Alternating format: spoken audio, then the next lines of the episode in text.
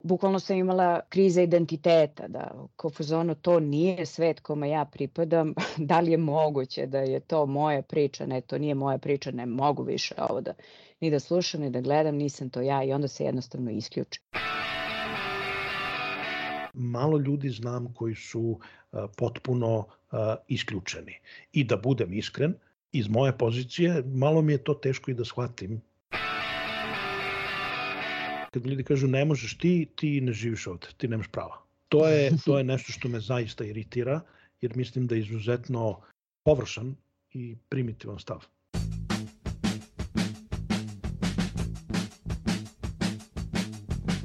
Ovdje svako četiri godine se priča o ratu. Gore tih priča nema, gore se živi. To je propast za državu. Kao, kao kad ode jedina sin od oca. Šteta je, pogotovo ovi naučnici, doktori, budući i tako dalje, sve ide vani. Normalno da recimo Hrvati ideju u Sloveniju, da Slovenci ide u Austriju. Misle da to nije dobro. Ja isto imam djecu. Nemam argumenta da im kažem da, da, da jednostavno žive, jer više i to i domoljublje i sve to fraza. Puno više se radi nego u nas. Nemaš baš nekog vremena za odmor, ali isto tako taj rad dobro plaćen. E, znači ne znam nikoga ko je ošao da se vratio i da nije zadovoljan. Znači svi ko su, koji su otišli čak rekli da bi se vratili, e, zapravo su na kraju ipak ostali. Kako da žive sa 20.000 u Aranđelovcu? Pa bit ću vam iskreno odlučio sam se, uvijek sam bio neki kao pesimist. Ma diću, ovde sam svoja kuća, svoje, tvoj narod, međutim, e, nema iz tog naroda ništa.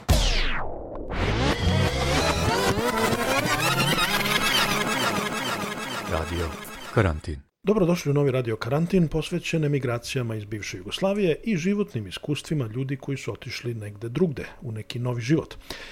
Dva duboko potresna masovna ubistva u Srbiji izazvala su lavinu reakcija i otvorila veliku debatu o uzrocima, o položaju dece, kulturi nasilja i odgovornosti vlasti. Vesti o ubistvima u školi u Beogradu i selima kod Mladenovca obišle su svet, kao i one o protestima u gradovima u Srbiji koji su usledili – Nama koji živimo, što se kolokvijalno kaže, na polju, verovatno je bilo nemoguće da ne čujemo šta se dogodilo u Srbiji, sve da inače ne pratimo vesti iz rodne zemlje. I to je mene i Jelenu navelo da ovog meseca u radio karantinu probamo da istražimo zašto neki od nas po odlasku u novi život nastave da prate vesti iz domovine, a neki se isključe ili bar probaju da se isključe. I ako pratimo vesti, da li ih onda i komentarišemo na društvenim mrežama ili u privatnim kontaktima sa rodbinom i prijateljima u domovini?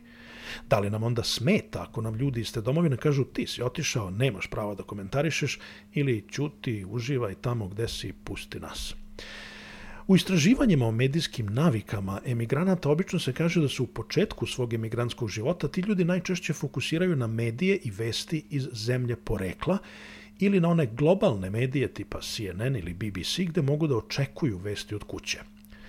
Osim prirodne potrebe da se ostane u kontaktu sa domovinom i prethodnim životom, neki istraživači u ovome vide i nespremnost imigranata da se integrišu u svoju novu sredinu, iako taj aspekt mnogi drugi istraživači osporavaju i ukazuju da su tu važni i drugi faktori, a to je nepoznavanje jezika, uređenja nove sredine i na onom prozaičnom nivou nedostatak vremena da se prate tolike vesti. Osim toga, šta tačno mislimo kada kažemo vesti iz domovine? Za veliki broj emigranata primarne vesti su, na primjer, one sportske, za druge su to one lokalne iz njihovog sela, grada ili regiona. Kada je politika u pitanju, u jednom istraživanju o imigrantima koji su uz istočne Evrope došli u Britaniju, kaže se da je većinu njih to novo imigrantsko iskustvo ili učvrstilo u uverenju da politiku ne prate ni u zemlji porekla, ni u novoj zemlji, ili ih navelo da prestanu da prate politiku. U svakom slučaju, ove srede i u narednih par izdanja Radio Karantina govorimo o tome koliko mi, emigranti, pratimo vesti iz rodne zemlje. Za početak, o tome danas razgovaramo ja i moja koleginica Jelena Fiser.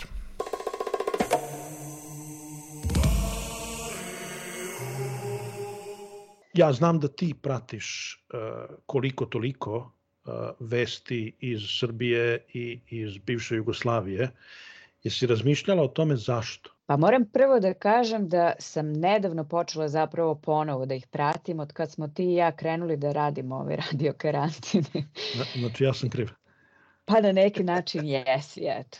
Ovi kad si se sam prijavio već. Um, pratim ih, ali pratim ih a, selektivno. I to je um, Pratim naravno jer to je video te profesionalne deformacije a, novinarske, pratiš ono kao otvoriš ujutru a, novine i pročitaš šta se dešava tog dana u zemlji i svetu, jeli? Ove, pratim, a, kažem selektivno, zavisi kad se nešto dešava. Evo sad je krenulo komešanje ponovo u Srbiji i onda se a, moja, a, moje interesovanje za, za domovinu intenzivira ponovo se javi ta nada kao da će nešto da se dogodi, da će nešto da se promeni. Ja, moj optimizam u tom smislu, znaš, već sad je onako nepresušen, a, jenjava, pa se ponovo javi, evo sad sam opet a, a, vrlo entuzijastična po pitanju dešavanja dole. Dakle, to su, to su razlozi a, uglavnom kada kada nešto ve, veće ili veliko krene da se pomalja, onda, onda i ja krenem da pratim vesti. Ali vesti ovako na dnevnom nivou i odlaženje u, u tanka crevca, evo me pitaš sada ko su članovi vlade, pa da ti nabrojim imena, prezimena, nemam pojma iskreno, ono, to je kao Vučić, alfa i omega svega i ko to je dovoljno i dalje se ne udubljujem. Ja, dobro, to je sve što treba da znamo u suštini. Pa u principu, da. I ova polupismena premijerka. Za nju znaš. E, da, da, pa znam kako ne znam. Mislim, mada ovaj, ne bih je ja nužno kao polupismeno prvo karakterisala. Ovaj, ja, sam, ja sam isto, uh, ja sam imao period kad sam uh, intenzivno pratio vesti iz, iz uh, zemlje, jer imam neko lično onu potrebu, interesovanje i imao sam i profesionalnu obavezu, 10 godina sam radio uh, kao novinar, doduše u Londonu, ali na, ovaj, pre svega na vestima iz, uh, iz bivše Jugoslavije, pratio ratove i tako dalje. E onda kad sam prešao u Španiju iz Britanije i kad je nekako uh, par godina posle Đinđićevog ubistva Srbija se nekako smirila i izgledala kao da ide nekim uh, E, normalnim tokovima, onda sam izgubio to interesovanje i prilično se isključio i bukvalno sam imao ono, setio sam se onoga što je Koštunica govorio kad je postao predsednik, da bi volao da i mi jednom postanemo dosadna zemlja koju ljudi u svetu neće pratiti ili tako nešto. I ja sam baš taj osjećaj, e, taj odnos u stvari imao, jeste, on tamo sad ide nekako normalno i sve je bolje i to. I onda je 2012. Srbija odlučila da kaže, ma jebo ti ovo dosadno je mnogo, daj da izaberemo Tomu Nikolića i da vratimo radikale na vlast. I onda sam se i ja ponovo uključio. Da se ukopamo da se ukopamo i onda sam se ja ponovo uključio ono iz neverice, zar je moguće da stvarno je to izbor i zar je moguće da sve idemo ponovo unazad.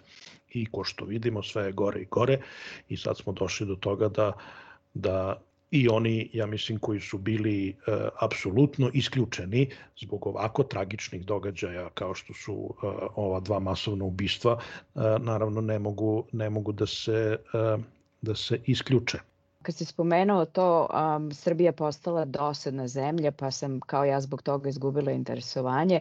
A, ja sam dolazila u situacije da mi se bukvalno smuči a, to sve dole. Znači nije mi bilo nikada dosadno, ali mi je bilo muka da slušam i gledam te likove razno razne koje su defilovali ono zadnjih, pa evo koliko, 15 godina, od kad sam se na neki način potpuno izdvojila od učešća u celoj toj priči, a neposredno.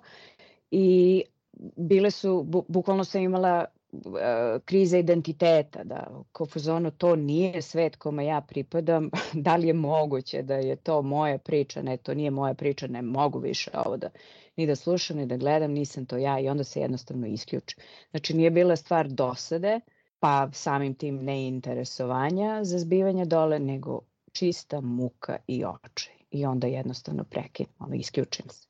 I bukvalno sa, eto, samo ako se nešto desi, ako bude zemljotres, poplava, nešto ono gde eto, brineš o ljudskim životima, eto, na tom nivou me interesuje politika, zbivanja, na, ništa. Mislim, ta, taj pojam dosadne zemlje se ovde koristi u pozitivnom smislu.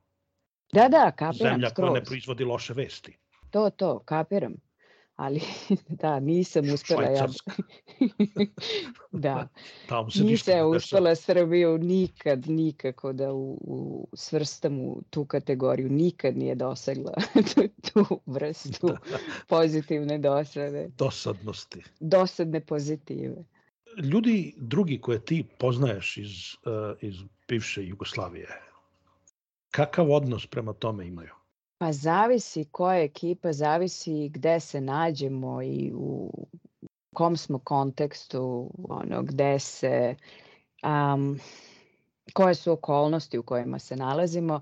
Mislim da uglavnom ljudi koje ja poznajem predominantno to površno, odnosno prate intenzivno, možda svakodnevno, ali se ne bave politikom aktivno čak i ljudi koji su veoma angažovani u javnom životu na neki način, posredno, ali angažovani, ovi, ne bave se politikom, jer to su već ljudi koji decenijama već žive van zemlje i interesuje ih verovatno na tom nekom polu emotivnom nivou, eto, to kad nešto krene da se valja, pa se onda svi a, aktiviramo, pa krenemo možda da razmenjujemo um, neka mišljenja, šta će ko, gde će ko, šta ko misli, ali to bude uglavnom sve površno.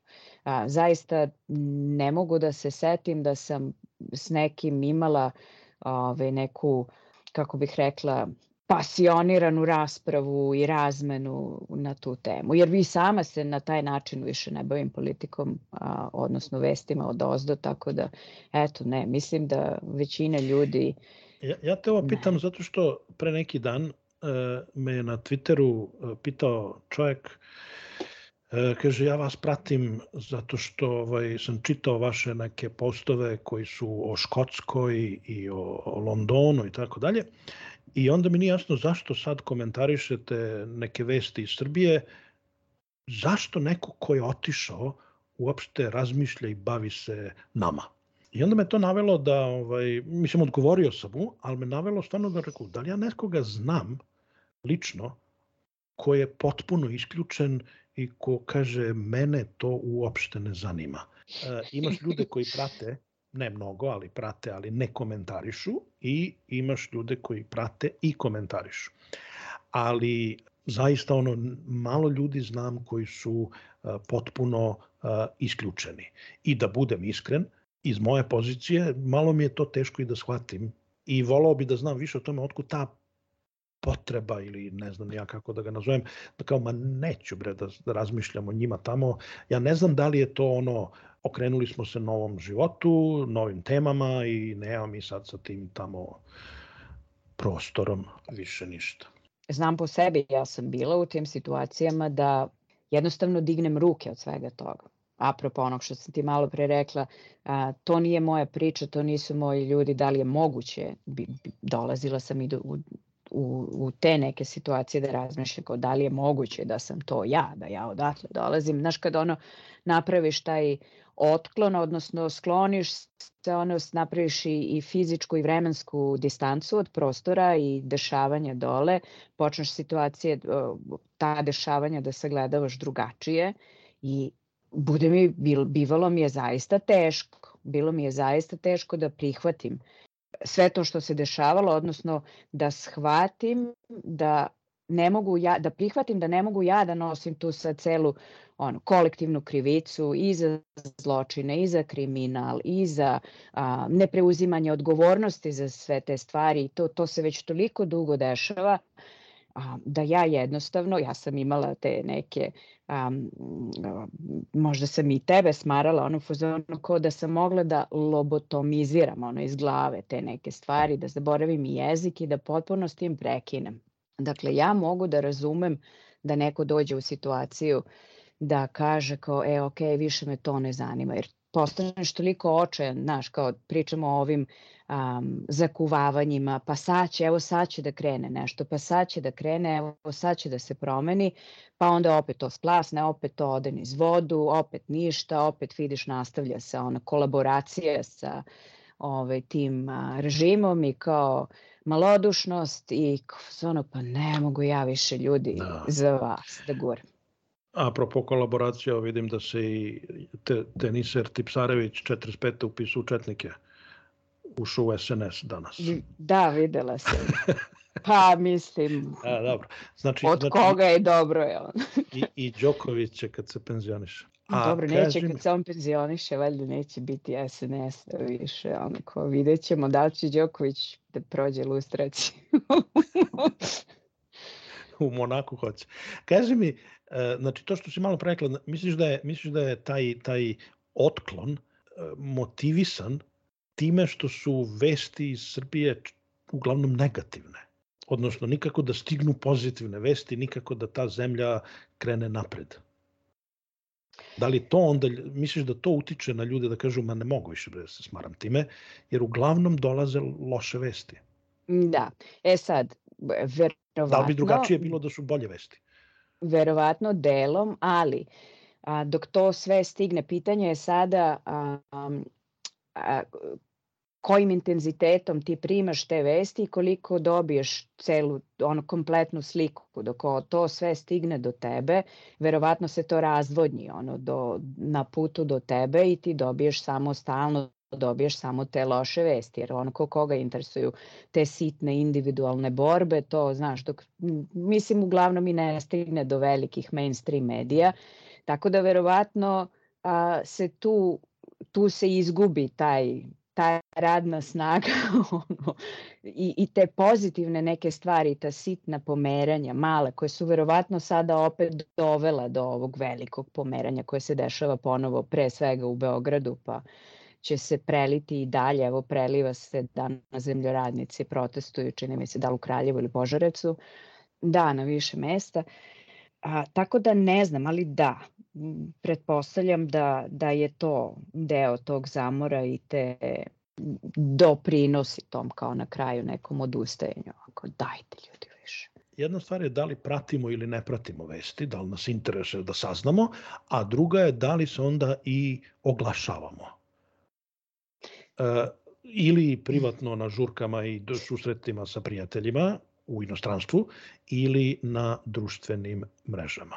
Ja sam prestala. Jel imaš da tu dilemu da li ja treba ili ne treba da se oglašavam i da komentarišem bilo šta?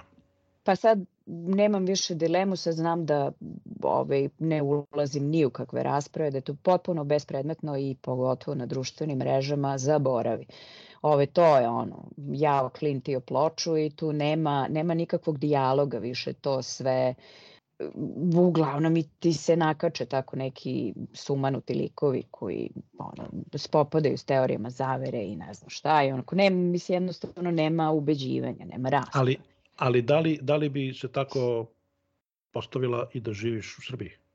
U smislu da... U smislu, na... Znači, pitanje je da li ne ulaziš u rasprave zato što je raspravljati na društvenim mrežama besmisleno ili zato što ti nisi tamo i nisi deo, direktni deo te priče?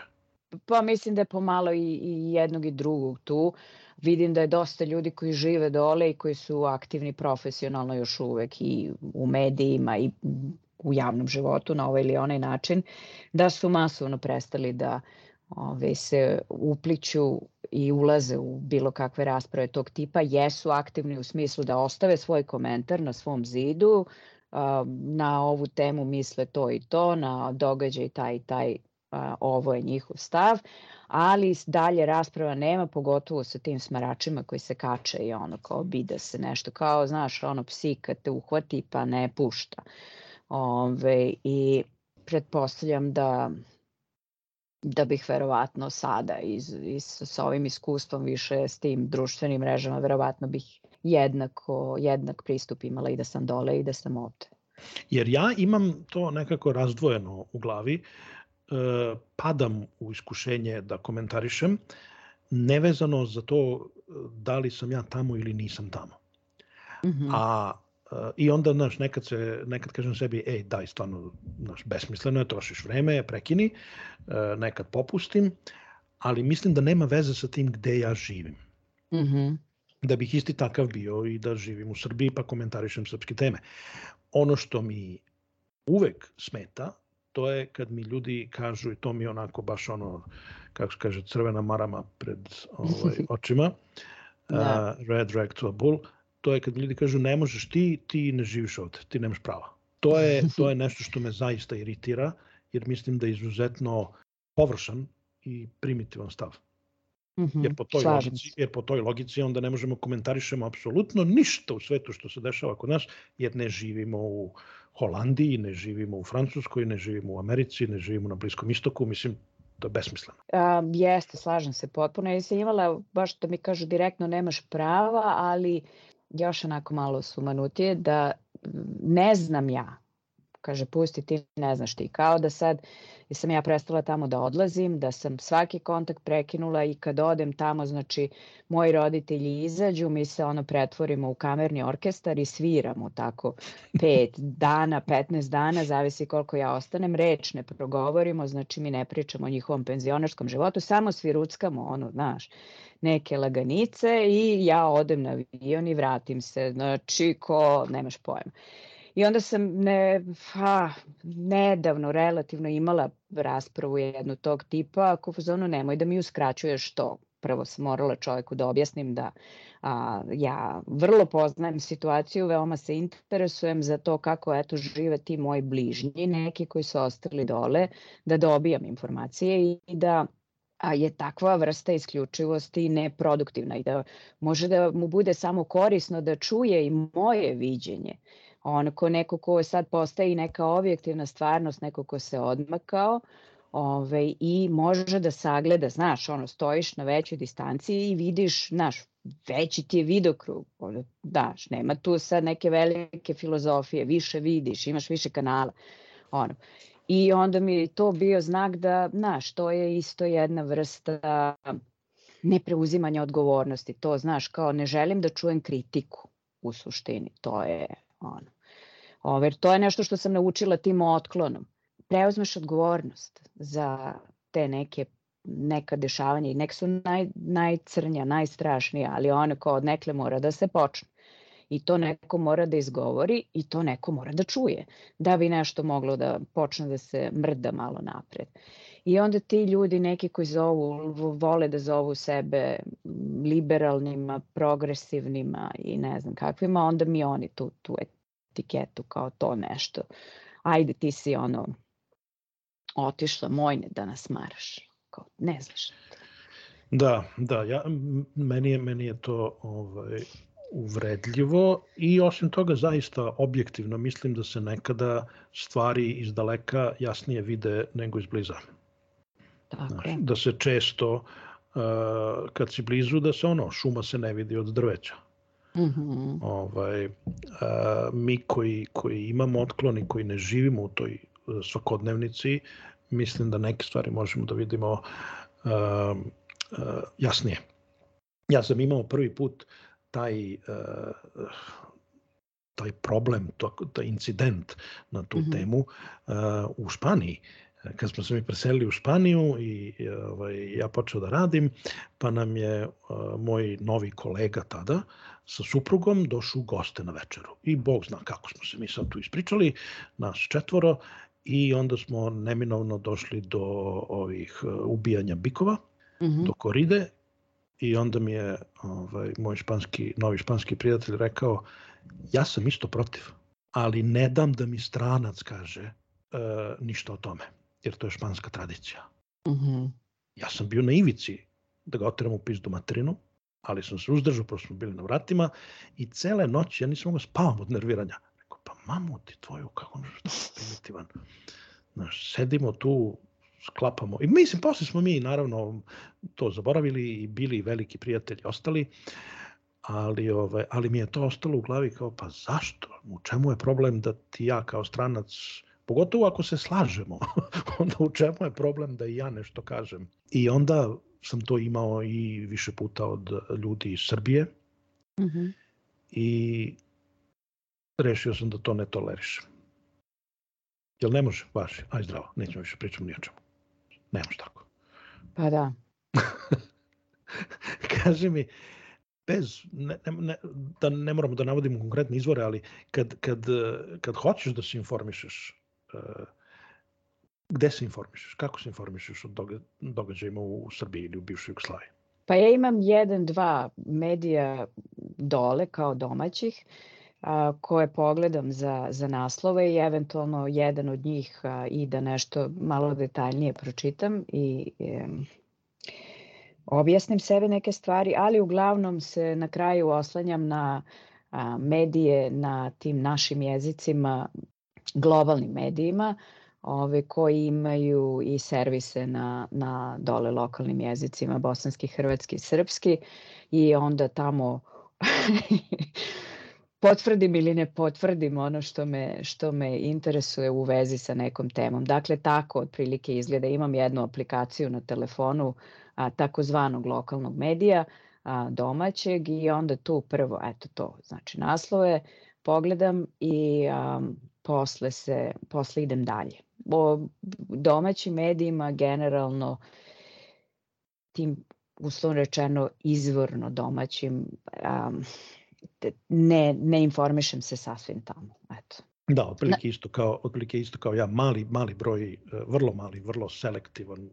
E da, izvini, prekinuću te samo ono gde gde odem za analizu, naravno, a, su su te neke nezavisne a, mreže, nezavisne platforme, male koje uglavnom u suštini nalaziš na ono društvenim mrežama. Um, mislim moram da priznam ne odem onako nemam sad devet prozora ovaj, podignutih a, istovremeno, nego ih nađem ono, na društvenim mrežama pa odande onda idem dalje a, čitam. Kad sam ja, kad sam ja otišao u London, kad sam stigao u London pre 30 godina, ovaj, ja sam odmah uh, uveo sebi naviku, odnosno obavezu da kupujem dnevne novine mm. ovaj, da bih što više saznao zemlju u kojoj živim i onda je to bio u suštini jedini način da pročitaš nešto i iz svoje zemlje, jer mm nije mhm. bilo uh, interneta, uh, telefoni skupi, tako da ipak kad nazoveš kući, zoveš uglavnom da se priča o porodičnim stvarima i, i sećam se tokom 90-ih uh, jednom ili dva puta sam išao uh, kad je nekad, ono, posle sankcija, kad su nas pustili da se vratimo u sportska takmičenja, košarka i šta već, Mm -hmm. ovaj, pa kao gde da gledaš, gde, u Britaniji da gledaš košarku, mislim. I onda smo odlazili na Holland Parku, je bio u zapadnom Londonu, je bio neki hotel Ravna Gora. I onda smo išli u Ravnu Goru i tu mi je bilo preslatko da vidim, tu su se skupljali penzosi u pola sedam, da gledaju dnevnik. Onaj da. RTS-ov. Da, ovaj kao u pola osam. Da. U pola osam, da, u pola sedam mm. u Britaniji. Ovaj, dođu u penzosi da gledaju, da gledaju dnevnik. Sad je naravno sve drugačije ovaj, i u suštini, neću da kažem naravno da je loše, dobro je imati neposredne ovaj, instant izvore informacija, mm -hmm. ali nije uvek, bar u početku, lako saznati ko je ko, ko, ko iza kog medija stoji, kome ko, možeš koliko da veruješ i tako dalje.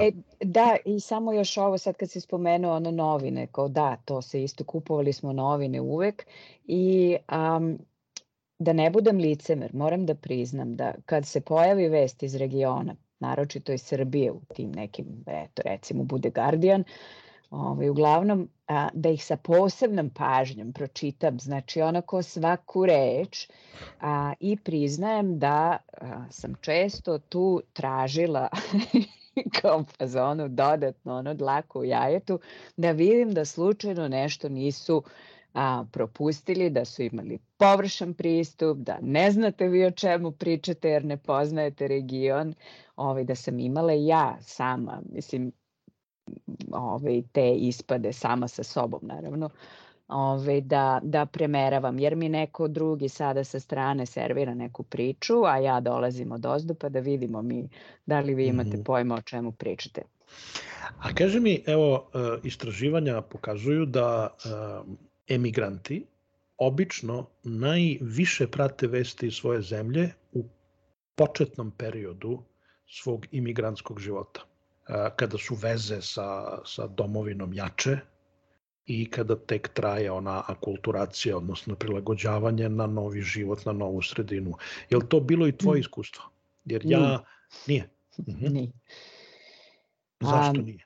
Pa nije, ja sam otišla iz Srbije, ono, fazonu zalupila vrata. Znaš, pričali smo već o tome, mhm. to a, atentat na Đinđića je bio a, prelomna tačka, pre toga ja nisam žela da odlazim iz Srbije, kakve takve, um, nisam jednostavno, to mi nije bio neki veliki životni cilj i onda se ovo desilo i onda se ja rekla, je dosta je sada i onda sam otišla, malo sam, kažem, zalupila ta vrata i otvorio se neki drugi svet. Ove, ovaj, mene je sve to novo zanimalo, jer ja nisam imala taj razvojni put koji imaju ono prosečni zapadnjaci mojih godina, kada ono studiraš pa imaš gap year, pa putuješ, pa se zezaš, pa ove, ovaj, radiš te neke stvari.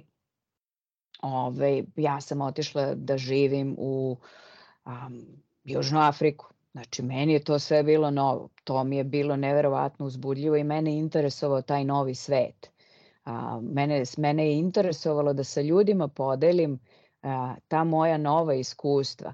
I ono što je recimo meni bilo poražavajuće, a, je, ja sam, to je bilo vreme mailova, ono šalješ grupni mail, imaš ono mailing listu i ove, ja sam slala tako ta svoja oduševljenja i literarne ono uzlete, ove, egzibicionizam, a, i ili sam dobijala čutanje ili komentare tipa šta se kuresaš ti sad, sad si ti otišla pa se ti kuresaš. Um, da bih tek kasnije posle ukapirala, znaš, ono to, da je dole se neguje, negovala se naročito ta, taj, um, taj stav, ono, svi sve znaju, znaš, svi su odrasli sa slonovima i nosorozima i uh, ono, odgajale ih majke na avokadu i makadamijama i ovaj, kao, znaš, šta sad, kao daj da ti men, da mi tebi pričamo šta se ovde ne dešava već 30 godina, ono, znaš, i kao nikog ništa nije interesovalo. Ove, dakle, ja sam bila ta koja kao eto imala, a pazi, nula što se mene tiče, nula arogancije, nula ono tog nekog pristupa kao je, e, kao evo, evo sad stvarno mene u svetu pa da ja vama solim pamet. Ne, ne, ne, nego moje zaista a, iskreno oduševljenje tim novim stvarima, tim novim utiscima, to kako zemlja miriše, kako kiša dolazi, razumeš, ono dva sata, te epske kiše koje padaju. Ma šta ti nama tu sad kiša, slonovi, pff, svašta. Ovi, dakle, ne, nisam, nisam bilo tih koji prate. Posle Južne Afrike živala si u Nemačkoj, i sad u Holandiji. Koliko I u Londonu. Si, I u Londonu, tačno, izvini. Koliko si pratila vesti iz tih zemalja dok si tamo živela? Ili nakon što si otišla? Intenzivno, naročito, mm -hmm. naročito u Britaniji i u Nemačkoj.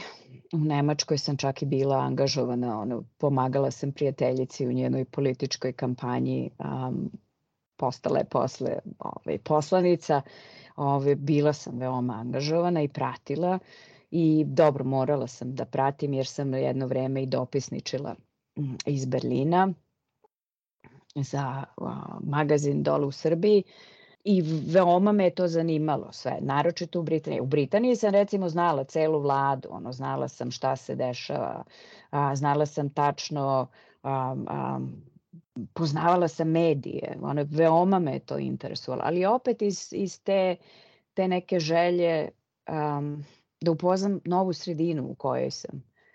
Um, naravno da sam verovatno pravila i neke paralele i ove, s tim kako se stvari odvijaju i rade ono, u toj nekoj zemlji u kojoj sam trenutno, a šta se radi dole kod nas. Uh, ali ne u tom nekom ozlojađenom smislu kao e, evo vam ga, evo kako se, ne znam, usvaja zakon i vidite šta radi premijer i ne znam šta, pa kao sad nabijaš nos ovima dole, nego me zaista, mislim da je važno ono, da se čovek na taj način pomaže, pomaže, mm. e, pomaže u klapanju. Tako je. Pomaže razumevanju uh, sredine u kojoj živiš. Ja sam zato sebi uveo pravilo da kupujem novine svaki dan. Mm -hmm. I čak to pravilo uh, kad god mogu primenjujem i kad otputujem negde turistički. Ako mm -hmm. ima novina na jeziku koji ja mogu da razumem, mm -hmm. ja ću da kupim novine, uglavnom znači na engleskom, e, odem, ne znam, na Tajland, kupujem lokalne novine na engleskom da vidim šta se tamo dešava, interesuje me. Ali da, pre svega u zemlji u kojoj živim, e, pomaže da je bolje naučiš, da bolje shvatiš kako funkcioniše, da bi onda lakše se uklopio i lakše tu e, živeo. I ono što je meni bilo važno, recimo Guardian mi je bio dragocen u tom smislu, um, da on neguje um, tu različitost mišljenja, da ćeš naći nešto što, znači novine koje odgovaraju mom senzibilitetu, negde su, ove, smo na toj istoj nekoj političkoj a, razini, frekvenciji, ono razumemo, a, razumeju moj sen, senzibilitet, odgovaraju mi Ove, ali ove, dešavalo se često da me zateknu, recimo, kolumnom nekog lika koji je ono, fazonu, zdravo, doviđenje, prijetno, znaš, kao ti, ti i ja nemamo ništa zajedničko, Ove, I onda te otvori, shvatiš koliko je važno da te, da te medij koji je zdrav otvori na taj način, da ti ponudi novu perspektivu, da, da zapravo nađeš to u sebi, to velikodušno, da možeš i da umeš da saslušaš tu drugu stranu, da daš prostor. To je ono što danas sve više gubimo. Tako je. Ovi, to, to se gubi nažalost i ovde na, da, u da. razvijenim demokratijama, a dole pogotovo, mislim, ono da toga ni, možda nije ni bilo sasvim. Ove, nikada, ali dobro. Znači, to, to je recimo lepota a, praćenja vesti u ovim nekim novim našim domovinama jer imaš taj medijski prostor još uvek, koliko god sužen, imaš ga. Da daš slobodu tom nekom da bude to nešto što hoće, iako se to sa tvojim a, idealima, načelima, senzibilitetima apsolutno kosi na svim nivoima. Radio karantin Bio ovo još jedan radio karantin, sa vama su bili Jelena Fiser i Aleksandar Kocić. Veliki pozdrav iz Utrehta i Glazgova. Budite sa nama svake srede.